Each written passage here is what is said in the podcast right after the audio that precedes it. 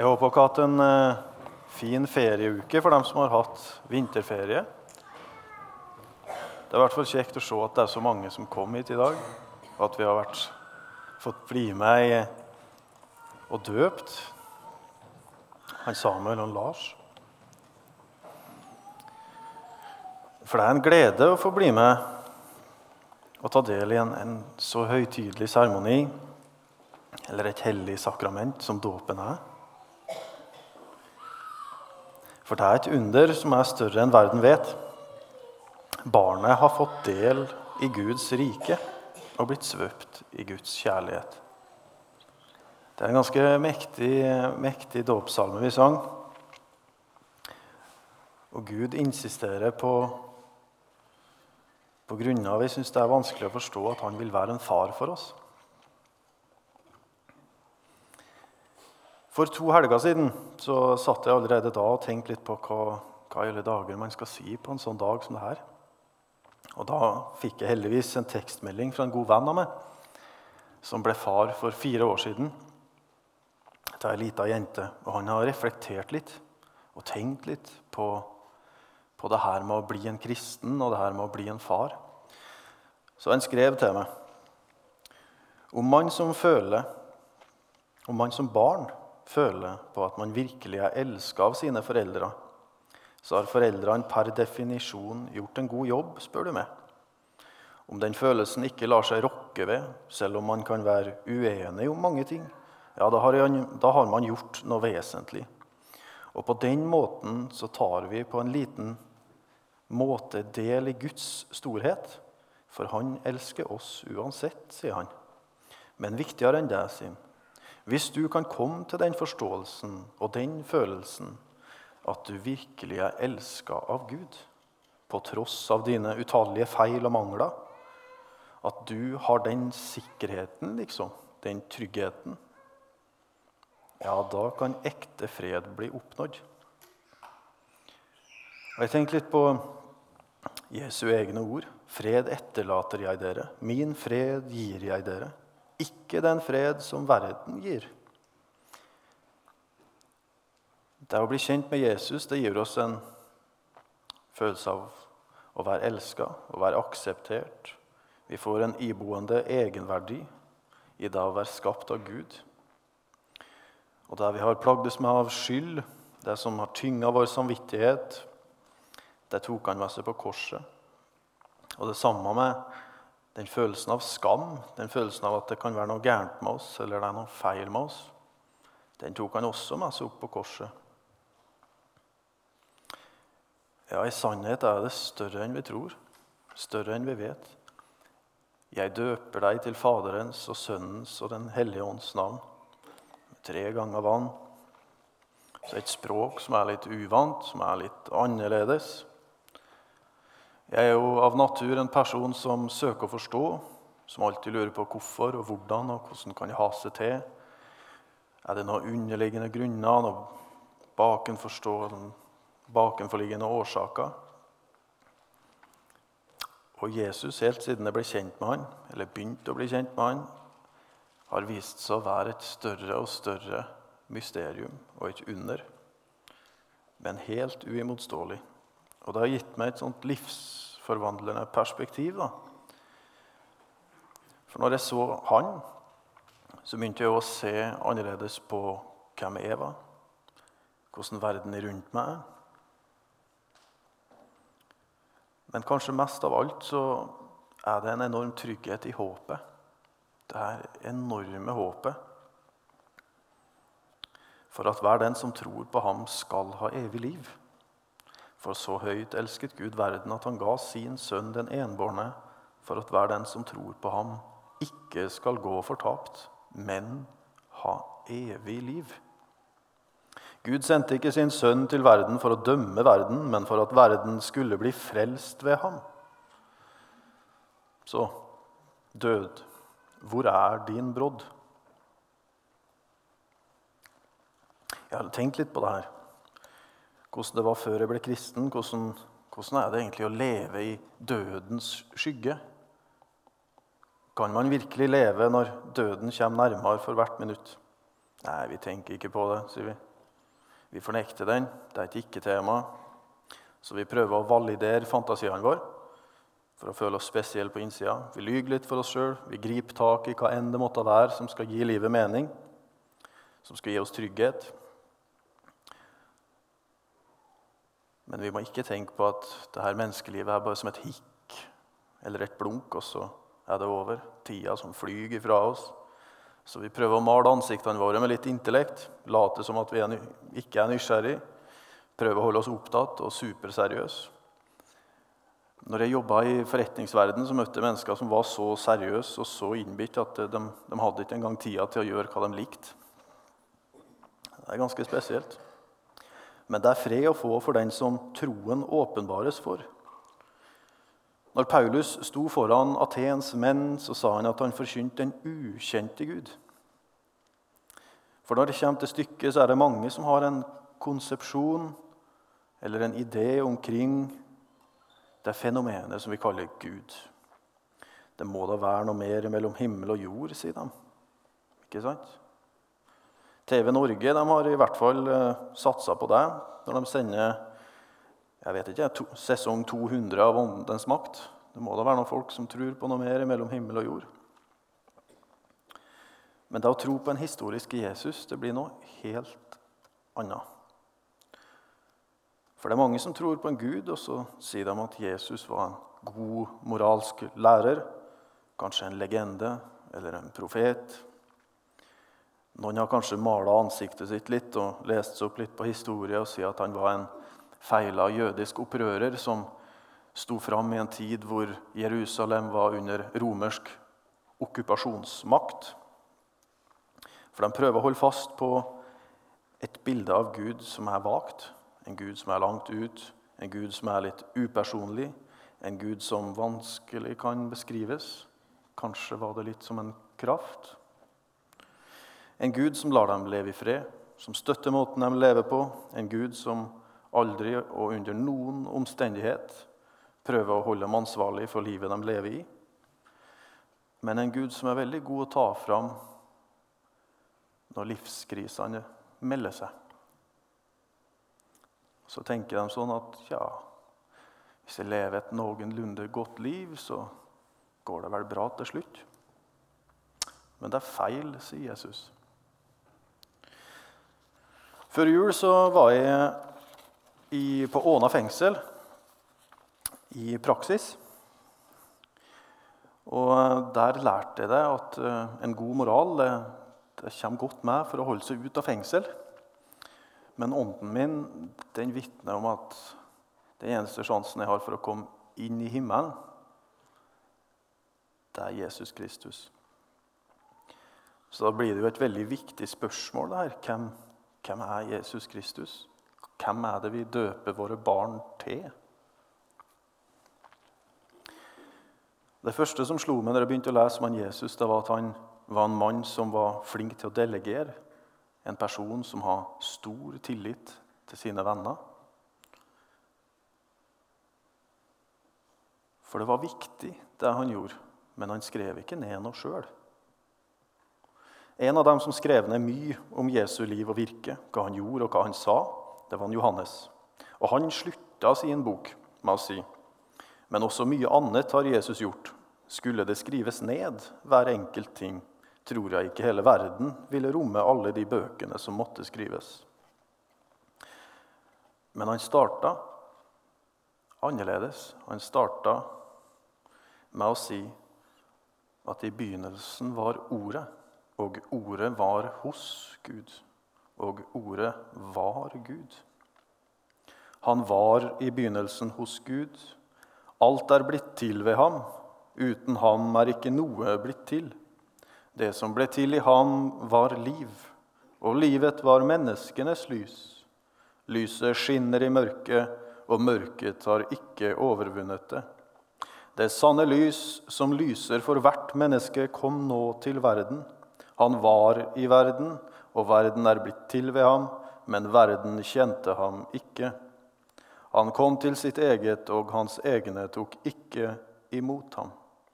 Men alle som tok imot ham, dem ga han rett til å bli Guds barn.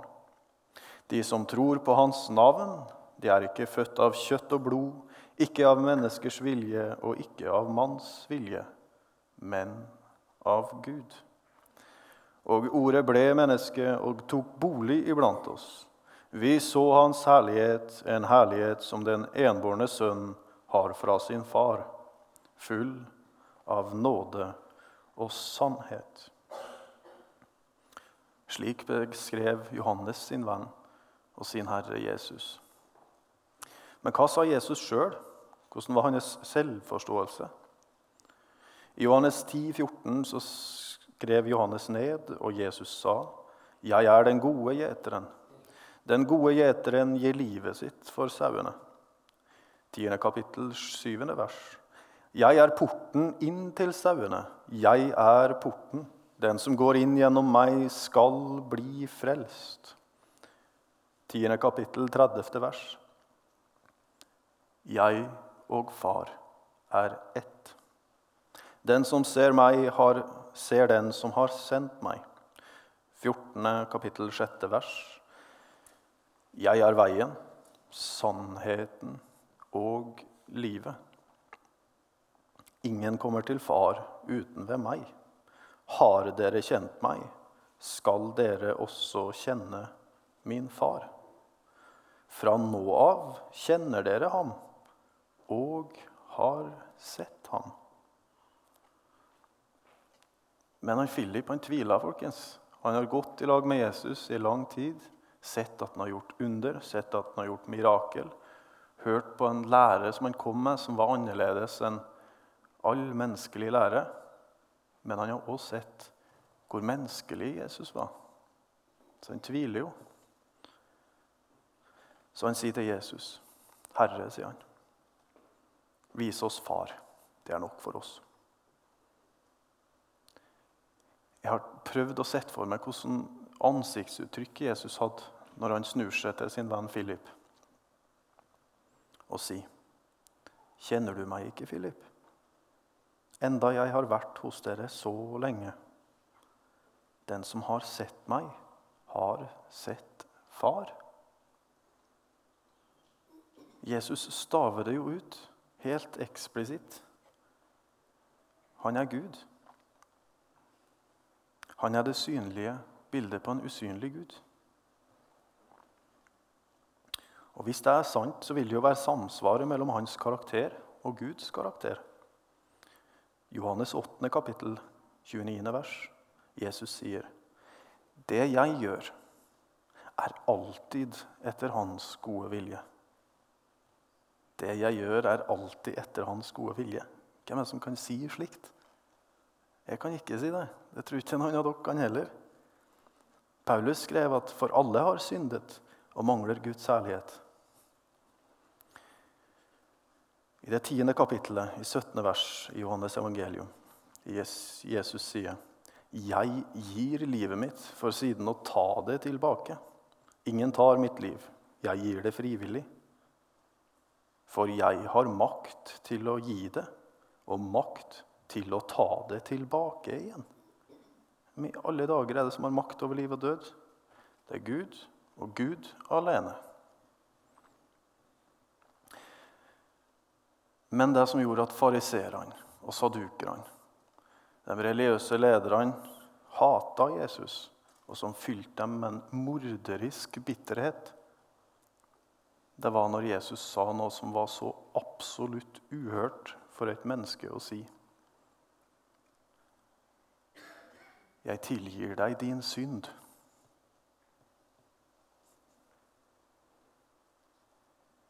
Hvis han har makt til å gjøre det, så er han i sannhet Gud. Og for deg så hengte man på korset. Så hva var forholdet mellom Jesus Kristus, Guds sønn, Gud Faderen, Gud den hellige ånd.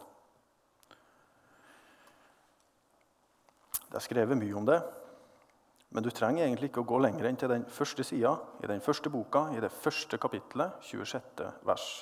For der står det skrevet, og Gud sa, la oss lage mennesker i vårt bilde, så de ligner oss. Tre ganger flertall. Hvem er denne oss? Ikke englene. De fikk ikke skaperkraft. Det er i hvert fall ikke djevelen. Og jeg har liten tro på at det var en majestetspluralis, som moderne akademia har lyst til å si. For det gjenspeiler ikke ydmykheten vi finner hos Jesus Kristus. Denne oss er selvfølgelig Gud Faderen, Gud Sønnen, Gud den hellige ånd, tre i én. Johannes 10,30. Jeg og Faderen er ett. Åttende kapittel. Hvis du kjente meg, ville du kjenne min far også. Så den som kjenner, gjenkjenner. Den som kjenner Gud, gjenkjenner Jesus. Og den som kjenner Jesus, kjenner Gud. Det synlige bildet på den usynlige Gud. Eller som det står skrevet i Kolosserne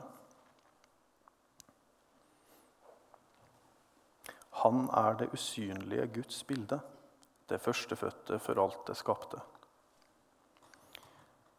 Slik så de nærmest han, og slik forsto han seg sjøl. Og Så kommer det til hvordan var det han så oss, det og meg? Det er skrevet mange lignelser om det. Men jeg tenkte at i dag kunne det vært fint å sette litt på en lignelse vi finner i Lukas evangelium, i det 15. kapittelet. Her gir Jesus tre lignelser. For det var mange tollere og syndere som holdt seg nær Jesus for å høre hva det var han sa. Men de skriftlærde og fariseerne murra seg imellom og sa da at denne mannen han tar imot syndere. Han spiser med dem. Og Da forteller Jesus dem tre lignelser. Og Den tredje av dem handler om to gutter og en god far. Jesus sa, en mann hadde to sønner. Den yngste av dem sa til faren, 'Far' Gi meg den delen av formuen som faller på meg. Det er ganske uhørt. Du har en rik far. Så sier du at 'jeg orker egentlig ikke å vente til at du dør. Nå kan du bare ta skille ut det som faller på meg her nå, så jeg kan ha det nå.' 'For jeg har ikke så lyst til å være i lag med dere lenger.'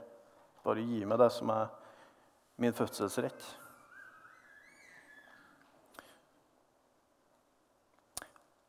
Faren skifta da sin eiendom mellom dem. Ikke mange dager etter solgte den yngste sønnen alt sitt og dro til et land langt borte. Der sløste han bort formuen sin i et vilt liv. Men da han hadde satt alt over styr, kom det en svær hungersnød over landet, og han begynte å lide nød.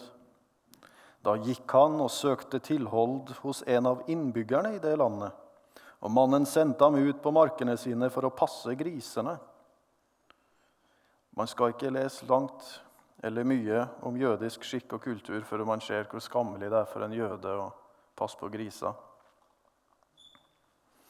Han ønsket bare å få mette seg med de belgfruktene som grisene åt, og ingen ga ham noe. Da kom han til seg selv og sa, 'Hvor mange leiekarer hjemme hos min far' har ikke mat i overflod, imens jeg går her og sulter i hjel. Jeg vil bryte opp og gå til min far og si, Far, jeg har syndet mot himmelen og mot deg. Jeg fortjener ikke lenger å være sønnen din, men la meg få være som en av leietakerne dine. Dermed brøt han opp og dro hjem. Da han ennå var langt borte, fikk faren se ham og han fikk inderlig medfølelse med ham. Han løp sønnen i møte, kastet seg om halsen på ham og kysset ham. Sønnen rakk ikke engang å si hvor dust han har vært. Denne unnskyldningen som han har jobba på, det var først etter han har blitt overøst med kyss og klem, at han fikk, fikk fram sine ord. Far, 'Jeg har syndet mot himmelen og mot deg.' 'Jeg fortjener ikke lenger å være sønnen din.' Men faren sa til tjenerne sine, skynd dere, finn fram de fineste klærne og ta dem på ham. Gi ham ring på fingeren og sko på føttene, og hent gjøkalven og slakt den, så vil vi spise og holde fest. For denne sønnen min var død og er blitt levende. Han var kommet bort og er funnet igjen. Så begynte festen og gleden. Og så møter vi den andre sønnen, som også var like langt bort. Imens var den eldste sønnen ute på marken. Da han gikk hjem og nærmet seg gården, hørte han spill og dans. Han ropte på en av karene og spurte hva som var på ferde. Selv om han var i sitt fars hus, så var han så langt bort fra faren at han visste ikke engang hva som skjer på gården. Din bror er kommet hjem, sa tjenerne. Din far har slaktet gjøkalven fordi han har fått ham tilbake i god behold. Da ble han sint og ville ikke gå inn.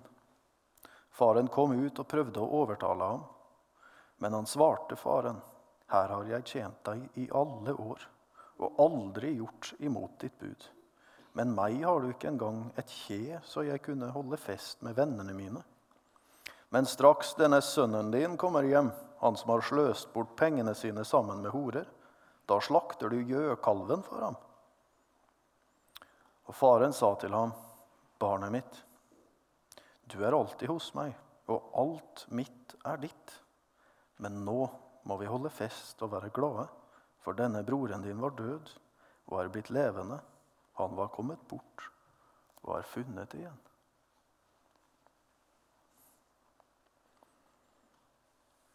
Slik lyd Herrens ord. La oss sammen be. Evige Far, allmektige Gud. Jeg takker deg for troens mysterium som du har skjenka med, og skjenka så fritt til mange. Jeg ber om at du åpenbarer mer og mer av din person og ditt ord, så vi kan lykkes i å bedre vokse i kjærlighet til hverandre og til det. Ta spesielt godt vare på alle fadderne i dag foreldre og de to dåpsbarna, han Lars og Samuel, som har blitt døpt inn i ditt rike. Velsign dem med mot i hjertet, kraft i lemmene og skarpe sinn. La dem vokse i kjærlighet til sine foreldre og til deg, og bli noen nyttige mennesker den tida de er på jorda. Til din ære og vår glede så takker jeg deg for at du har gitt oss livet i gave. Amen.